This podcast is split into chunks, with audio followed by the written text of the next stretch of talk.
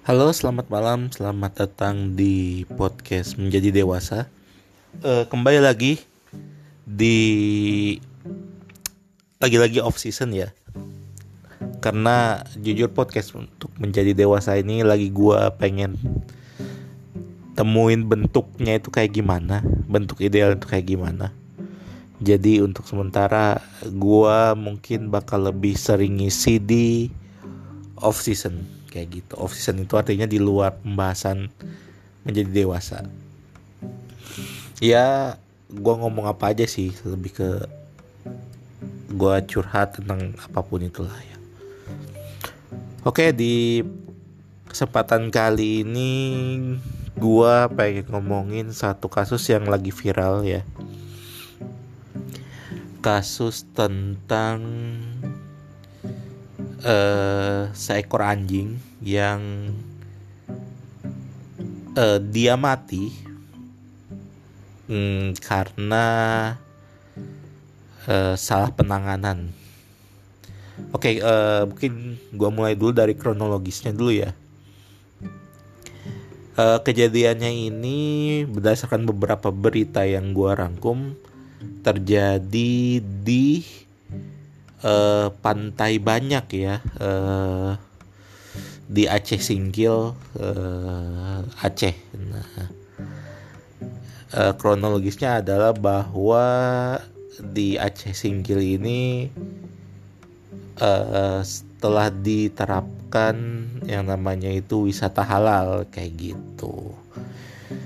Nah, dengan wisata halal ini ya uh, eh, gue baca-baca konsepnya sih intinya ya nggak boleh ada sesuatu hal yang haram gitu ya menurut syariat Islam. Uh, contohnya seperti misalkan nggak boleh tuh ada yang namanya wine gitu kan nggak boleh tuh ada yang namanya uh, mungkin objek-objek wisata yang bisa memicu uh, ke arah-arah yang haram-haram lah ya kayak gitu. Semisal kayak misalkan mungkin wisata hal yang gue pernah dengar juga tentang hotel gitu kan. Kalau misalkan cewek sama cowok mau pesen uh, satu kamar hotel bersama mereka harus bisa nunjukin surat uh, bahwa mereka itu suami istri uh, surat nikah. Nah kayak gitu intinya ya. Nah hmm, ya intinya itu. Lalu oke okay, gue lanjut lagi ya. Uh, sorry agak ke mana-mana. Uh, di eh, pantai itu di pantai banyak itu eh, ada salah satu eh, eh, seekor anjing gitu ya. Eh, anjingnya warnanya hitam kayak gitu kan. Eh, gue lihat sih dari dari muka-muka anjingnya gue bukan pakar sih tapi gue lihat kayaknya ini anjing sebenarnya uh, friendly gitu ya. Nggak nggak nggak galak lah kayak gitu kan Nah, di situ uh, Satpol PP uh, Aceh Singkil itu dapat tugas untuk uh, mengevakuasi anjing-anjing ini itu untuk uh, dipindahkan ke tempat yang lain gitu karena area pantai banyak uh, di Aceh Singkil itu merupakan salah satu objek wisata halal kayak gitu. Uh, nah, Eh, permasalahannya itu terjadi ketika memang e, cara satpol pp ini mengevakuasi anjingnya itu e, menurut gue pribadi kurang tepat kayak gitu. Gue lihat di videonya kalau nggak salah sekitar 16 atau 20 detik ya. Itu ada yang pakai jadi salah satu seorang oknumnya itu dia pakai kayu gitu kan yang kalau lu lihat kayak ketapel gitu kan ujungnya itu kan ada kayak huruf Y gitu kan. Nah itu tuh di apa ya di disodok pakai itu gitu. Nah sehingga ya pertama dari caranya aja udah udah udah seperti itu ya. Yang ini memicu kemarahan uh, para netizen kayak gitu. Nah terus habis itu udah berhasil tuh anjingnya ditangkep terus dimasukin itu justru ke kayak keranjang tapi kayak keranjang sayuran kayak gitu. Pakai keranjang sayuran lalu ditutup rapat. Uh, eh, gue lupa tapi gue seingat lihat gue itu disolasi juga deh kayak gitu kan ya. Dan baru kemudian dievakuasi kayak gitu nah ketika dievakuasi gitu kan memang cuacanya kan panas ya kayak gitu. Ya lu bayangin aja lu di kandang di keranjang sayur gitu kan uh, ditutup rapet terus dilakban juga gitu kan isolasi juga gitu kan ya pengep gitu kan. Ya otomatis ya ketika uh, keranjangnya ini dibuka gitu kan uh, si anjing ini si Canon ini pada akhirnya ya udah meninggal kayak gitu itu uh, secara kronologi kejadiannya ya. Hmm, lalu ada uh, klarifikasi dari Kasatpol PP Aceh Singkilnya sendiri itu bilang bahwa si anjing ini mati karena stres kok gitu kan. Dan nggak ada tuh tanda-tanda penyiksaan dan segala macem kayak gitu. Dan sudah diklaim bahwa untuk mengevakuasi si anjing ini gitu kan itu sudah sesuai dengan SOP gitu kan. E, beberapa hal yang pengen gue komentarin adalah e, ada tiga hal sih yang pengen gue komentarin nah ya. Yang pertama itu bahwa e, sesuatu yang yang benar gitu kan itu harus dilakukan dengan cara yang benar pula gitu ya. Uh, ini penting sih kalau menurut gue ya. Jadi sesuatu yang benar harus dilakukan dengan cara yang benar juga kayak gitu. Yang pertama tentang wisata halalnya oke. okay. Kalau gue sih ya karena gue Islam ya gitu kan. Jadi menurut pendapat pribadi gue ya gue sih setuju setuju aja dengan adanya wisata halal kayak gitu.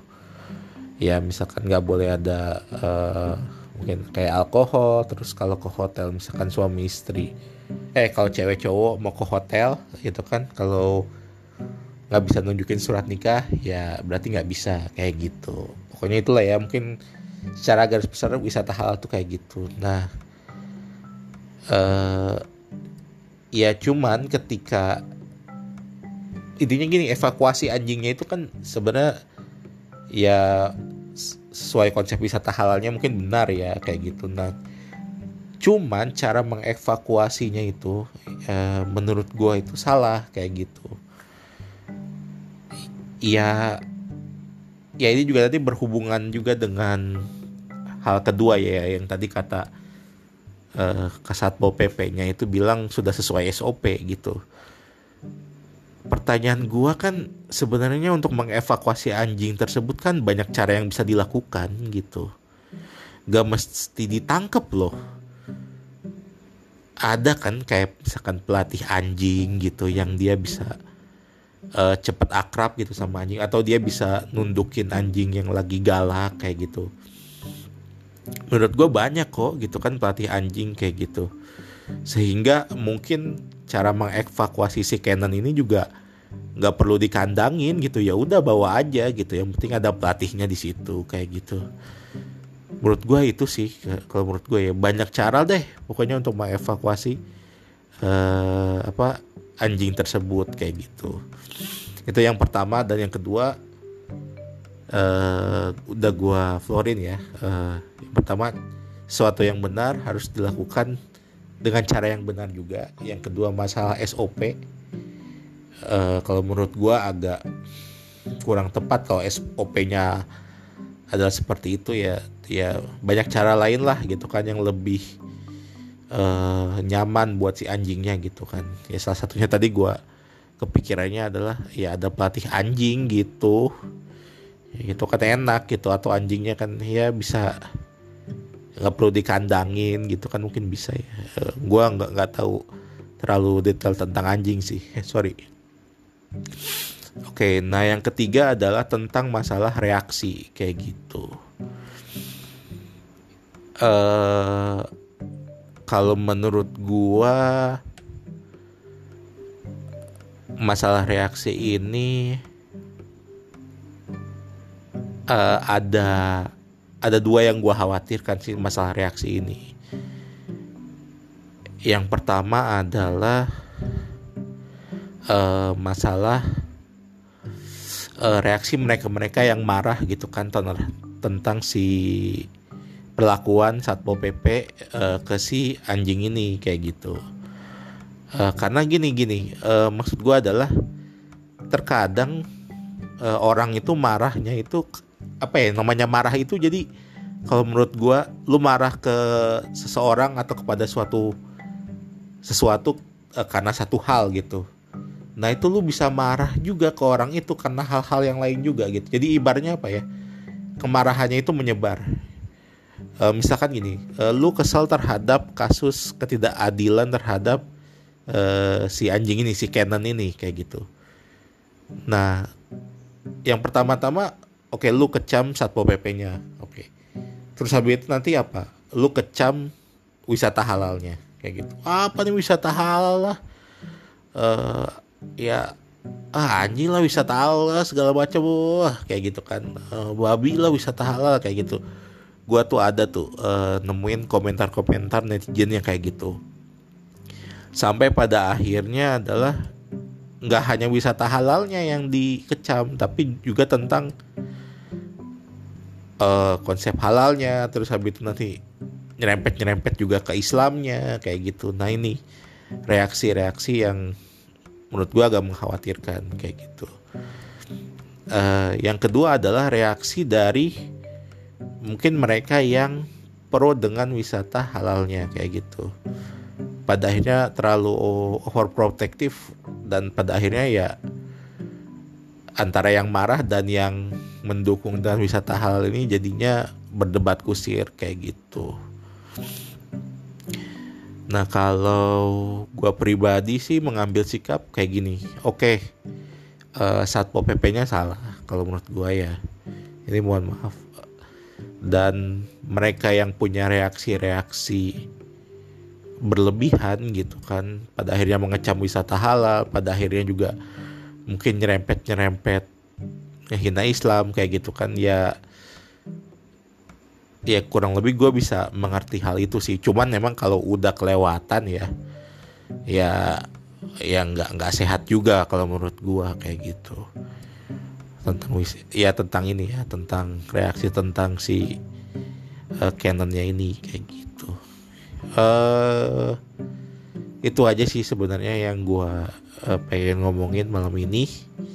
Uh, gue minta maaf kalau misalkan dari penyebaran gue ada yang uh, salah. Uh, tulis aja di kolom komen gue salahnya apa kira-kira gitu kan ya sebagai masukan juga buat gue karena gue terbuka banget sama masukan dan ya bis ya gue harap sih gue ngomong kayak gini juga nggak sendiri. Artinya apa? Lu bisa berkomunikasi sama gue kayak gitu lewat kolom komen atau apa pun itu. Itu aja. Terima kasih buat malam ini ya. Uh, sampai jumpa di podcast menjadi dewasa episode selanjutnya oke okay.